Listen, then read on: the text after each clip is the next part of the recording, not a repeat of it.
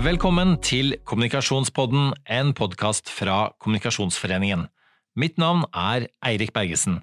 I denne episoden spør vi om den offentlige samtalen i koronakrisen har vært åpen nok. Har vi fått den informasjonen vi trenger fra den politiske ledelsen, helsesektoren og pressen? Og hvis ikke, hvem sin feil er det? Det blir debatt mellom sjefsredaktøren og kommunikasjonsdirektøren, og mellom stortingsrepresentanten og lederen for Kommunikasjonsfolket. Til slutt oppsummerer medieforskeren det hele.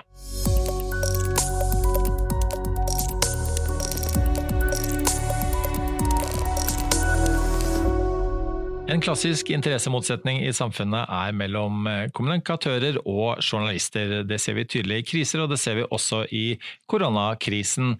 Vi skal til Trondheim, hvor vi har med oss eh, Kirsti Huseby. Du er sjefsredaktør i Adresseavisa. Velkommen. Takk for det. Vi har også med oss eh, St. Olavs hospital, kommunikasjonsdirektør Marit Kvikne. Velkommen også til deg. Hei, hei. Og dere har jo eh, en reell interessemotsetning eh, nå i disse dager, og veldig mye felles interesser av å, av å kommunisere. Og så, eh, vet jeg, eh, Kirsti, at det, det har vært mye fram og tilbake mellom dere og mellom Adressa og flere andre institusjoner som dere prøver å dekke under koronakrisen. Kan ikke du ta, ta oss litt igjennom måte, hvordan det er å, å være, være en regionsavis i en koronakrise? Jo, um, For det første så må jeg jo si at vi i utgangspunktet samarbeider godt opp mot uh, St. Olavs hospital. Men uh, vi syns jo at under uh, de her ukene og etter hvert månedene med koronasituasjonen, at det har vært mer krevende i forhold til, til den åpenheten og tilgangen vi skulle ønske oss fra sykehuset. Det er kanskje spesielt to ting. Det ene er jo at vi har ønska oss eh, lenge å komme inn på sykehuset. Eh, for å kunne dokumentere hvordan helsevesenet faktisk løser oppdraget sitt med å ta imot de her pasientene. Eh, det tok jo fryktelig lang tid. Det skjedde vel bare for noen få dager siden, da den siste pasienten var skrevet ut. At vi fikk komme inn der. Uh, og det andre er at vi opplever at uh, tilgangen som vi tidligere har hatt direkte med kilder, altså i form av overleger, avdelingsledere osv., eh, den skal nå gå via kommunikasjonsfolkene på St. Olavs. Det er en helt ny situasjon som vi opplever tar veldig mye tid, det er det ene. Det er ganske frustrerende òg å ikke oppleve at man faktisk får gjort jobben ordentlig med tilstedeværelse. Um, og det er nytt i forhold til hvordan det har vært før. Ja, for før har, har dette vært uh, mye, altså, et mye enklere samarbeid? Ja, absolutt. Um, Altså, de som jobber med helse til oss, har jo kunnet tatt en telefon selvfølgelig direkte til dem som eh, man skal snakke med. Og oppleve at vi også har uh, selvfølgelig med god planlegging kunne fått komme inn på, på sykehuset og, og jobbe der. Men dere har, merket noe av det samme også når det gjelder sykehjem og også Trondheim kommune. Så det er, det er bredere enn bare St. Olavs hospital? Ja, eh, det har vært eh, akkurat likedan når det gjelder Trondheim kommune og, og tilgang eh, på sykehjem. At vi har fått nei til de forespørslene vi har bedt om der. Hva, hva tenker du Kirsti er, er, den potensielle konsekvensen for folk der ute når media ikke slipper til i den grad man ønsker seg, eh, og får, får den nødvendige innsynene raskt nok i prosessene rundt eh, koronakrisen? Nei, jeg tenker jo at det uh, i verste fall kan føre til at man, at man mister tillit til, til det som, som, myndighetene i denne type krisesituasjoner faktisk ber befolkninga om å gjøre. Eh, jeg tror også det kan være med å skape frykt. Det at man ikke eh, enten får sett eller forstår eh, hvordan f.eks. helsepersonell både disponerer ressursene i en sånn type situasjon, hvordan man har bygd opp og jobber på de her avdelingene som har vært veldig mye skrevet om, men som ingen da hadde sett. Uh, hvordan man jobber med de her pasientene over tid. Det er folk opptatt av. og jeg tenker at Når vi står i en sånn situasjon, så er det en enorm interesse uh, i en befolkning som, som uh, skal leve på en helt annen måte enn før. Uh, og Da tenker jeg det er en viktig oppgave for oss å dokumentere det som skjer, hva slags type beredskap osv. osv. Um, det var jo um, en, en uh, annen ting her òg. Vi, vi ba jo f.eks. om å få tall på, på utsatte operasjoner og uh, behandlinger på et ganske tidlig tidspunkt. Det hørte vi ingenting om, helt til det lenger uti ble innkalt til en felles pressekonferanse. Jeg mener at uh, befolkninga som da får beskjed om at deres behandling er, er utsatt, har, har um, behov for å få vite hva som er tenkt rundt det. Så det er viktig informasjon som jeg opplever ikke kommer ut. Mm. Eh, Marit, hva, hva, sier du til dette? Dere har som jobb til vanlig å, å hjelpe og kommunisere eh, det som skjer på sykehuset, men nå opplever dere at mediene er kritiske til at eh, dere blir en slags buffer, at ting går, går saktere. Det er vanskeligere for de å kommunisere eh, det som, det, som, skjer rundt, eh, rundt pandemien. Hva tenker du om det? Jeg tenker at uh, altså Det har jeg forståelse for, for det har jo vært egentlig veldig uvirkelig og veldig forskjellig for, uh, for mange å jobbe under uh, de siste ukene og månedene.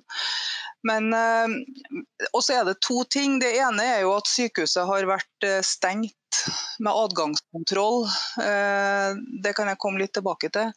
Det andre er det her at vi har ville at informasjonen, altså at henvendelsene skulle gå via kommunikasjonsavdelinga. Det har jo ikke vært like uttalt tidligere. Og det er jo ikke sånn at eh, det, altså det, det vi snakker om nå er jo knytta til denne pandemisituasjonen.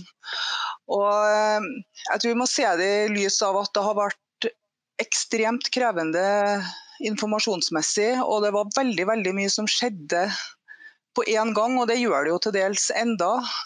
Sånn at for oss har målet vært å ha oppdatert informasjon hele tida, trygge ansatte og ikke minst trygg befolkning. Og derfor har vi ønska å ha mer kontroll på den informasjonen som blir gitt da, enn det vi vanligvis har.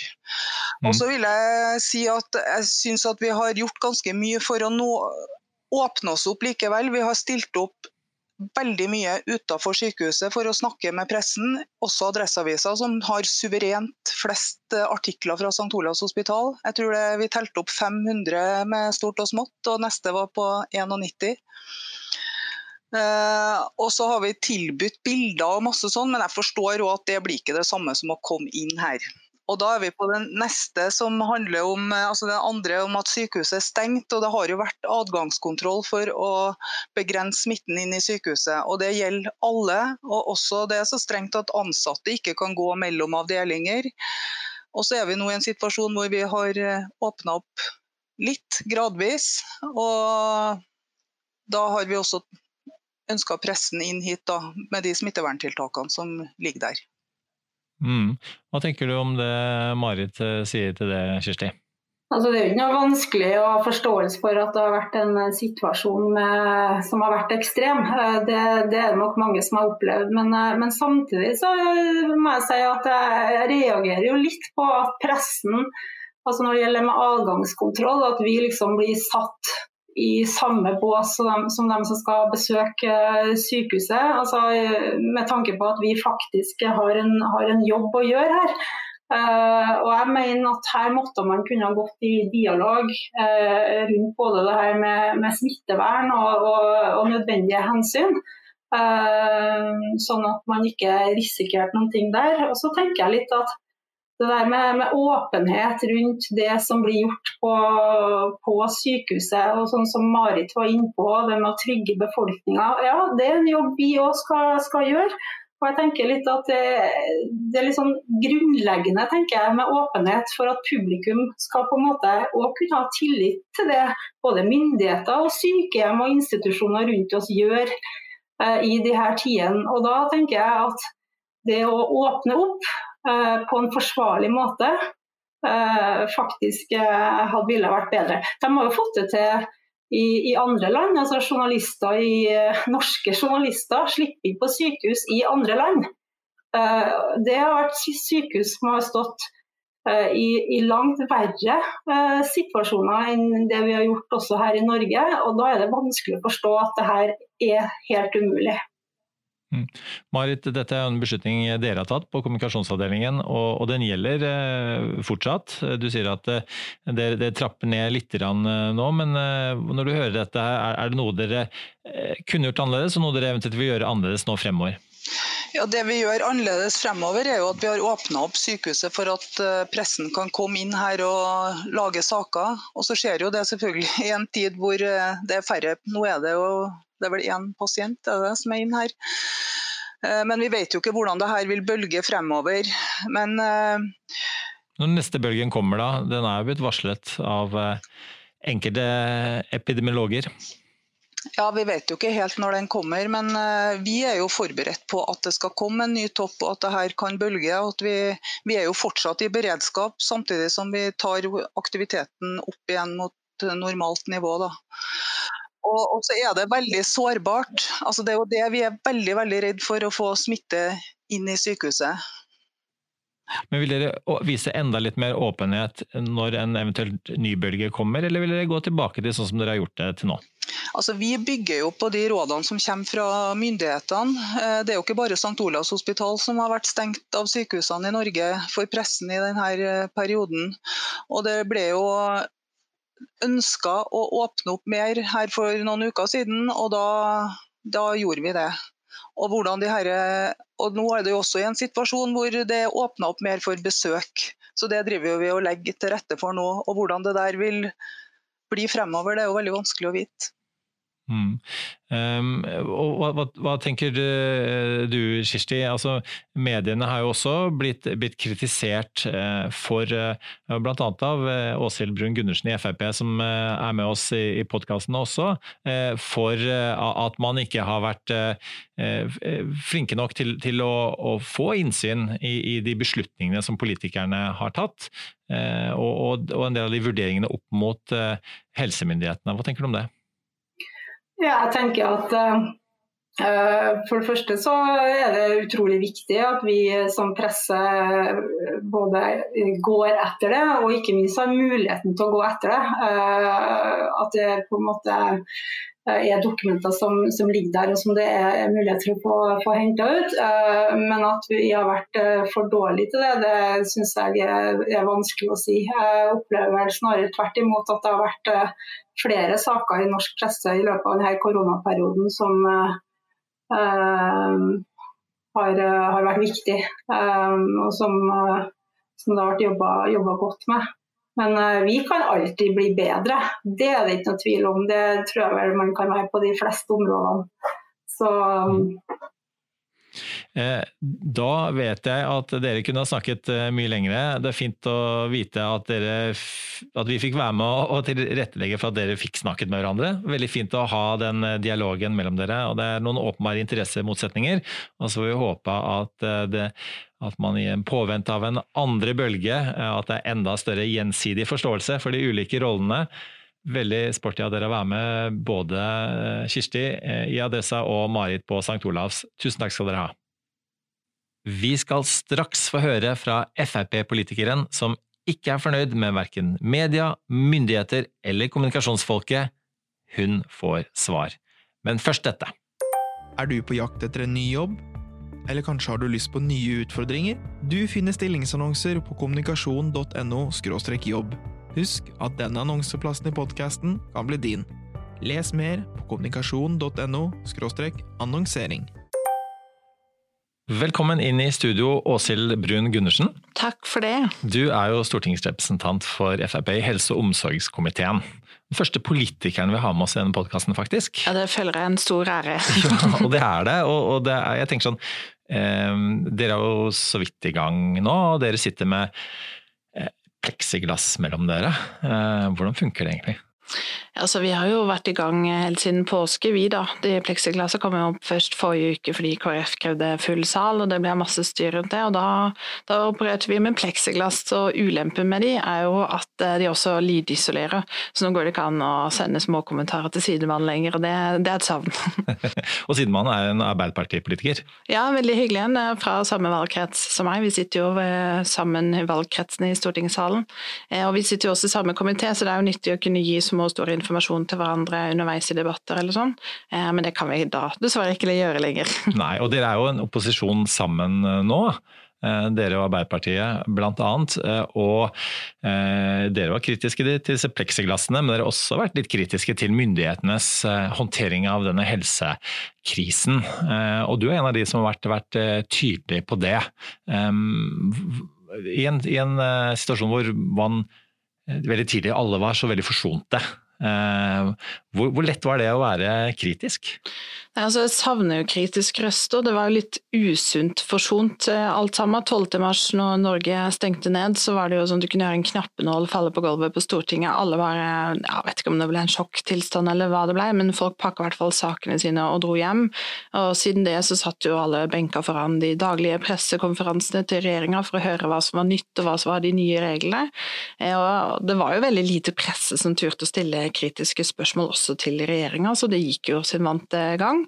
Men eh, når i hvert fall den smitteappen kom, da mente jeg det var viktig at noen begynte å stille spørsmålstegn, fordi da har regjeringa gått ganske langt i å gi inngripende tiltak i samfunnet vårt, uten at noen har stilt spørsmål med effekten av det, og hvorvidt det i det hele tatt har vært faglig forankra eller bare en politisk beslutning. Mm, og, og vi har snakket litt om dette før, og du har, vært, du har også satt, vært veldig positiv rundt den, den, første fasen til myndighetene, men så kommer det en fase hvor man, man også må få lov til å være kritisk.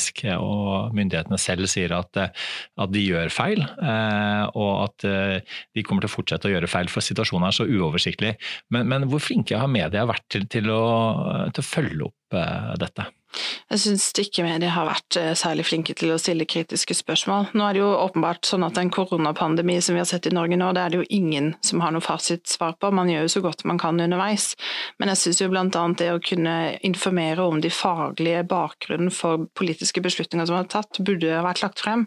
Altså jeg var jo nede på statsministerens kontor onsdag før Norge stengte ned og fikk høre en redegjørelse fra Folkehelseinstituttet og Helsedirektoratet, og da var de veldig tydelige på at det å stenge skolen skoler og barnehager var ikke noe de faglig anbefalte. Dagen etter så valgte regjeringa å gjøre det likevel. Etter påske så var de samme myndighetene ute og mente at skolene og barnehagene burde åpne opp igjen, mens regjeringa valgte å ikke gjøre det likevel. Så de beslutningene som er tatt politisk har jo ikke nødvendigvis vært forankra i faglige anbefalinger, uten at eh, pressen har brukt veldig mye vekt på å prøve å finne ut av det. Og Det som er viktig der, er jo også måte, innsyns eh, innsynet i beslutningsprosessene. Og, og, hva tenker, du, hva tenker du om det? Altså når man da, eh, hvor lett har det vært for politikere og media og andre eh, å, å finne ut hva, hvilke vurderinger, faglige vurderinger beslutningene til politikerne er fattet på? Ja, så Det har vært kjempevanskelig, og det er jo noe av det sikkert evalueringa kommer til å peke på. At, at eh, Presse-Norge og Norge som sådan burde ha fått mer informasjon om de faglige begrunnelsene. Det, det pleier man jo å gjøre i alle politiske beslutninger som blir tatt. Eh, så det har vært mangelfullt, og jeg syns også det er spesielt kanskje at Presse-Norge har gått så i takt. Det er klart at Regjeringa har jo hatt sine daglige pressekonferanser samtidig som de har varsla hva innholdet i dagen, eh, morgendagens pressekonferanse skulle være, og sånn sett bundet opp Presse-Norge til å spille på den fløyta. Men det har jo også da ikke åpna opp noe rom for å diskutere hva som ikke er blitt sagt bl.a. når regjeringa valgte å stenge ned alle planlagte operasjoner. Eh, så førte jo det til at 250 000 pasientavtaler ble avlyst, eller satt på vent. I samme periode så kjørte sykehusene i Norge på halv maskin. Oslo universitetssykehus hadde vel et belegg på 53% og de satt jo mye og tvinna tommeltotter og gjorde seg klar for, for en liksom masseinnleggelse av koronapasienter som aldri kom. Og jeg mener det var litt drastisk eh, tiltak, fordi det fører altså til at pasienter i Norge ikke har fått den oppfølginga de har behov for. Det problemet ser vi jo i dag. Og så blir jeg jo også litt sånn halvirritert over at ikke de har tatt i bruk privat sektor. Altså Private sykehus har i sånn periode permittert. Og det her kunne vært håndtert bedre hvis man hadde fått god tilgang til informasjon, og at flere hadde stilt noen kritiske spørsmål underveis. Eh, vi har også med oss eh, Therese Manus, som er leder i Kommunikasjonsforeningen. Eh, Therese, du har sittet hjemme og hørt på det Åshild nå sier. og hun, hun, har litt rett, har hun ikke det, i forhold til dette med, med, med, innsynet i beslutningsprosessene? Ja, altså Vi eh, i Kommunikasjonsforeningen er jo for mest mulig åpenhet i samfunnet, og mener at eh, åpenhet bidrar til bedre demokrati og bedre samfunn. Og så også i denne situasjonen selvfølgelig som jeg har vært i, mer, eh, at det er flere prosesser her, og spesielt kanskje beslutningsgrunnlag som ligger bak eh, og utredninger og rapporter som er gjort, som det hadde vært en fordel om vi hadde fått innsyn i tidligere. Så jeg er absolutt enig i noe av det, det hun sier rundt dette. For eh, vi må det, det, En ting er befolkningen, og at vi har, eh, man ønsker at man skal få vite mest mulig om hva som ligger bak, hvilke vurderinger som er gjort i rapporten og hvilke ulike synspunkt som er for å fatte beslutninger. Det andre er jo også for virksomheter som faktisk skal gjennomføre tiltakene, bl.a. innen kunnskapssektoren sektoren eh, som eh, man var inne på her, for å også lage gode rutiner når ting åpner opp. Nå var det jo ingen som kunne vite akkurat hvilken vei det gikk da eh, det ble stengt ned og man bl.a. i helsevesenet gjorde vurderinger om å utsette. Så det er lett også å være operasjoner f.eks. Så lett å være etterpåklok, men mer kunnskap om beslutningsgrunnlag er alltid en fordel. Mm. Hva tenker du om det Therese sier, Åshild? Ja, altså det hjelper oss jo dessverre ikke eh, akkurat nå, men eh, det vi iallfall trenger å påse, er at de tiltakene som blir videreført eh, og at koronapandemien er under kontroll nå, at det fortløpende blir gitt god informasjon om de faglige begrunnelsene bak beslutningene. Og så vil jo evalueringa av hele pandemien og håndteringa av den komme tilbake til hva regjeringa burde ha gjort annerledes så er det jo litt sånn at vi som ikke sitter i regjering, vi har jo også begrensa mulighet for å kreve disse innsynene og kritisere, fordi alle vil gå i takt. Når vi først er liksom i en krisesituasjon, så vil man følge lederen, og det blir brukt sterke norske ord som dugnad, og hvem vil ikke være med på dugnaden og gjøre sitt for at dette skal bli håndtert best mulig? Så i den perioden så blir jo enhver opposisjon også litt lam lamslått, da. Eh, for man må nesten bare sitte og vente på det som kommer. Men jeg, derfor er jo pressens viktige oppgave å stille kritisk kritiske spørsmål til makta, og påse at de beslutningene blir tatt på rett grunnlag, og at informasjonen som gis ut eh, blir korrekt. Og Her eh, mener jeg nok at pressen kunne ha gått litt tidligere ut på banen. Mm. Hva tenker du om det, eh, Therese, pressens rolle i det hele, og, og mange av de kommunikasjonsrådgiverne som jobber både eh, hos helsemyndighetene og, og hos eh, politikerne, og deres rolle med å sørge for at den kommunikasjonen faktisk når frem til befolkningen og til media? Det har vært en presset situasjon for mange, eh, enormt å ta fatt i. Eh, som eh, også kan ha altså Både for mediene, med mye å grave i og, og, mye å komme ut med av informasjon også. Jeg syns jo egentlig at mediene har gjort en, en, ganske god jobb. Og så har jeg forstått at de har hatt utfordringer med f.eks. å ikke få innsyn i, i alt de har søkt innsyn i. Noe som er uheldig, for offentlighetsloven gjelder jo også i krisesituasjon. Men samtidig så er det jo en um, alltid en avveining om, uh, om, ressursbruk og prioriteringer. og Vi vet jo at veldig mange av de offentlige institusjonene har fått enormt å gjøre, også utover helsesektoren. Men òg med vedtak og forskrifter og nye ordninger som er uh, innført for at vi skal prøve å liksom, få samfunnet til å rulle videre og berge uh, og hjelpe arbeidstakere og bedrifter i å komme gjennom denne krisen. Og Da kreves det enormt med arbeid. Så jeg har forståelse for at Eh, innsynskrav kan ta lengre tid, men eh, det i seg selv er jo ikke en eh, sånn gemensam altså, generell begrunnelse for at man ikke skal gi innsyn. Og så er det jo slik at Kommunikasjonsfolk jobber jo veldig ofte for at man skal gi innsyn og bidra til større åpenhet. Men de er jo ikke de som tar beslutningene for hvordan det resultatet blir. De er jo en mellompart i dette her og sender gjerne innsynsbegjæringer videre internt i systemet. For noen ganger så er det rett og slett eh, fagekspertene, og i dette tilfellet helseeksperter, leger, eh, som sitter og bestemmer at de ikke har tid til å svare eller ikke ønsker å svare. Og så er da kommunikasjonspersonen eh, budbringeren, pianospilleren, som, som dermed får kritikken av media også? Ja, sånn kan du jo uh, si, det, si, det, Ja, uh, på mange måter er det jo det. Og, uh, og jurister også internt som er med på å vurdere når man skal gi, gi, innsyn og ikke. Og Det har vært en veldig spesiell situasjon hvor har, presset har vært enormt. Men jeg vet òg at det er kommunikasjonsfolk der ute som virkelig har jobbet på for at man skal prøve å holde åpenhetsfanen høyt også i denne situasjonen. Og så har man dessverre ikke alltid lykkes lykkes eh, med det. Og det er jeg helt enig i at eh, det må bli bedre neste gang. Og dette er jo ting som må vurderes og evalueres og, eh, og ses på videre fremover.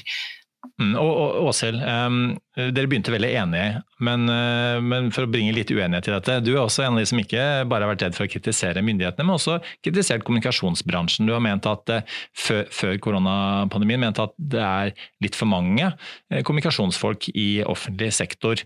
Hva, hva, tenker du om det nå, nå som, som vi har opplevd denne pandemien? Altså det som Erfaringen er med offentlig sektor, er at det er veldig lett å bemanne opp i krisesituasjoner eller spesielle situasjoner, og så blir det over til en permanent ordning. Og Det bekymrer meg litt også nå. Bare i revidert nasjonalbudsjett som regjeringa la frem for Stortinget nylig, så ber de om 240 millioner kroner mer til Folkehelseinstituttet og Helsedirektoratet for å håndtere denne pandemien. 240 millioner, det blir fort 240 nye ansatte, og hvis det skal bli en permanent basis, så er det en kostnad vi driver med oss videre. Alle har forståelse for at dette har vært en ekstraordinær situasjon, og at man må bemanne godt opp for å håndtere det nå. Men da må det også forplikte den samme nedtrappingsplanen når man går over, over i en normal situasjon. Og under Helsedepartementet nå, eh, under en normal situasjon før pandemien, så er det 60 ansatte kommunikasjonsrådgivere. Det er ganske mange som driver med politisk arbeid. Og vi merker jo også at de blir mer en politisk aktør av det. Blant Blant annet så gikk jo Helsedirektoratet i fjor ut og lanserte et forslag om å forby pappvin, hvor Helse, Folkehelseinstituttet selv ble en politisk aktør i debatten om det var et klokt eller et mindre klokt grep. Hvis man informerer om, om pappvin eh, versus å informere om pandemi, som jo er et stort spørsmål om liv og død, er, er hvor lett er det når en ny pandemi kommer å skalere opp igjen eh, med den kunnskapen man trenger for å kommunisere presist eh, til folk i spørsmål om liv og død? Altså jeg forutsetter jo at de som jobber i Folkehelseinstituttet nettopp er det, gode fagfolk som jobber med å kommunisere ut faget sitt og lage gode utredningsrapporter. Det er altså 1000 ansatte der. Eh, det, så det burde være ivaretatt. Det er jo under den spesielle situasjonen nå hvor det er viktig å gi fortløpende informasjon, at man bemanner opp. Men det kan altså ikke bli en permanent løsning. Så det er helsekronene våre altfor sårbare. Vi trenger å bruke det på det aller viktigste, og det er å behandle pasienter. Therese, du skal få, få, siste ordet. Jeg regner med at du, du klør, klør, i fingrene der på, på hjemme, hjemmekontoret. Eh, hva, hva, hva, hva, tenker du?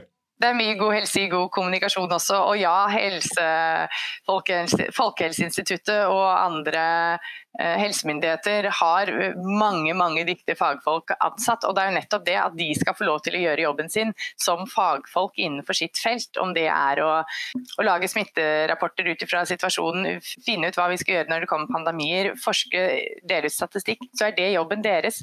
Kommunikasjonsfolkene sørger for at dette kommer ut til befolkningen, at man har de riktige tjenestene, at man leverer til chatbot, måler det som går eh, må, altså Nå f.eks. har målt hvordan har informasjonen nådd befolkningen? Får de med seg de rådene vi gir? Eh, de har bidratt ikke bare på internkommunikasjon og og rådgivning til egne ledere, funnet, og, funnet frem eh, faktaopplysninger før de stiller i debatter, men også faktisk eh, lagt ut all informasjon, altså Eh, sørget for at helsenorge.no er oppdatert. Bidratt i chatboter, informasjonstelefonen eh, og veldig veldig mye mer enn mediekontakten. Så at, å tro at disse oppgavene enkelt kan løses av noen andre, eller at de ordinære kommunikasjonsoppgavene forsvinner i etterkant av en pandemi, er i beste fall eh, veldig naivt. Det, det, ble siste ordet. Nå vet jeg Måsil, at, at Vi skal få lov å ha folk, men spørsmålet er hvor mange. Ja, og du har sikkert lyst til å si, si enda mer også. Eh, litt deilig å kjenne på at det er litt temperatur i dette podkaststudioet. Endelig. Det hjalp å få med en politiker, for å si det sånn. I hvert fall en fra Frp som jobber med helse og omsorg. Tusen takk for at du stilte, Åshild, og tusen takk til deg også der hjemme eh, i stua, Therese. Vi skal nå prøve å binde sammen alle disse ulike hensynene som man må ta i en krise, og man har nå sett i koronakrisen har vært viktig, nemlig kommunikasjon, eh, media, eh, politikk, forvaltning og ikke minst ledelse. Eh, og hvem er bedre til å kommentere på det enn Jens Barland, som er dekan på Kristiania for nettopp utdannelsene kommunikasjon, ledelse og markedsføring Velkommen, Jens. Takk skal du ha. Og så jeg tillegg hiver inn at du også tidligere hadde en rolle eh, som journalist og som redaktør, bl.a. i Stavanger Aftenblad, og vært innom Dagbladet og Aftenposten før det. Så, så er det noen som kan eh, å binde sammen roller, så må det jo være deg. Ja, jeg har jo vært på mange sider av det bordet vi snakker om nå. Så jeg tror jeg skal kunne forstå både journalistiske anliggender, men også anliggender fra kommunikasjonssiden. Ja, For samfunnets del så er jo dette en kabal som skal gå opp mellom veldig mange hensyn. Ja, jeg, jeg, har jo også forsket på dette, denne eh, rivaliseringen som foregår mellom kommunikatører og redaktører. Eh, det som er ganske tydelig her, er at vi har et samfunn med forskjellige institusjoner, hvor forskjellige interesser ivaretas av folk i forskjellige roller. Og det er klart det at Redaktørene de ivaretar interessene til den journalistiske funksjonen i samfunnet, hvor vi skal ha en åpen og uavhengig journalistikk som bidrar til at vi får spredd informasjon, at vi får offentlig debatt og offentlighet og åpenhet rundt det som foregår. Og De skal stille de kritiske, de vanskelige, de ubehagelige spørsmålene. Det er deres jobb. Det blir et bedre samfunn når de gjør jobben sin. På en annen side så er det jo mange aktører. I det tilfellet når vi snakker om koronakrisen, så vil det fort være de politiske myndighetene Eh, helsemyndigheter, forskjellige departementer, direktorater og, og, og, og, regjeringen ikke minst, som skal ivareta sine ting, finne ut hva som er fornuftig, ta sine avgjørelser og komme fram til det. Og Disse to rollene de havner da i tautrekking med hverandre i denne saken her. Mm, ja, fordi det som nå skjer i en krise, det er at eh, alle disse hensynene, den rivaliseringen som du snakker om, den blir Eh, enda mer intens, fordi at alt dette skal skje på mye kortere tid, og beslutninger skal tas mye raskere. Ja, altså Krisesituasjonen gjør at alt settes uh, på høykant. Det blir mye viktigere. Det blir enda viktigere for journalistikken, for redaktørene, å få fram disse opplysningene. For det er større saker å, å, å få fram i den offentlige debatten. Det, det står mer på spill. Eh, det er, det er viktig. Det handler om eh, til syvende og sist at du kan få med deg smitte til bestemora di, hvis ikke du kjenner til de og de smittehensynene. For å ta de nære sakene, eller de store samfunnssakene, skal vi stenge samfunnet på den eller den måten. Kan vi stole på den informasjonen som blir gitt? Og på en annen side, for myndighetene som skal gjøre dette, som heller ikke sitter med fasiten, som skal lytte på forskjellige typer eksperter og også til slutt gjøre sine egne fornuftige vurderinger og komme fram til en konklusjon. De ønsker å i stor grad å gjøre dette i fred og ro og arbeidsro, og ikke all denne plagsomme offentlige debatten. Og vil da ofte hegne om sine prosesser for å ikke få for mye innblanding fra den journalistiske siden. Mm. Og Du har jo forsket på dette lenge og sett på ulike kriser over tid. Altså, hvordan er, Hvis du skal sammenligne koronakrisen med, med tidligere kriser, også innen helsesektoren, på hvilken måte skiller det seg? Ja, eh, vi kan se eksempler på sånn krise som har vært. En eh, jeg gikk litt inn i, det var eh, tsunamien. Og hva som skjedde med journalistikken og den offentlige informasjonen opp mot hva Utenriksdepartementet og helsemyndigheter kommuniserte om da, opp mot hva journalistikken bidro med.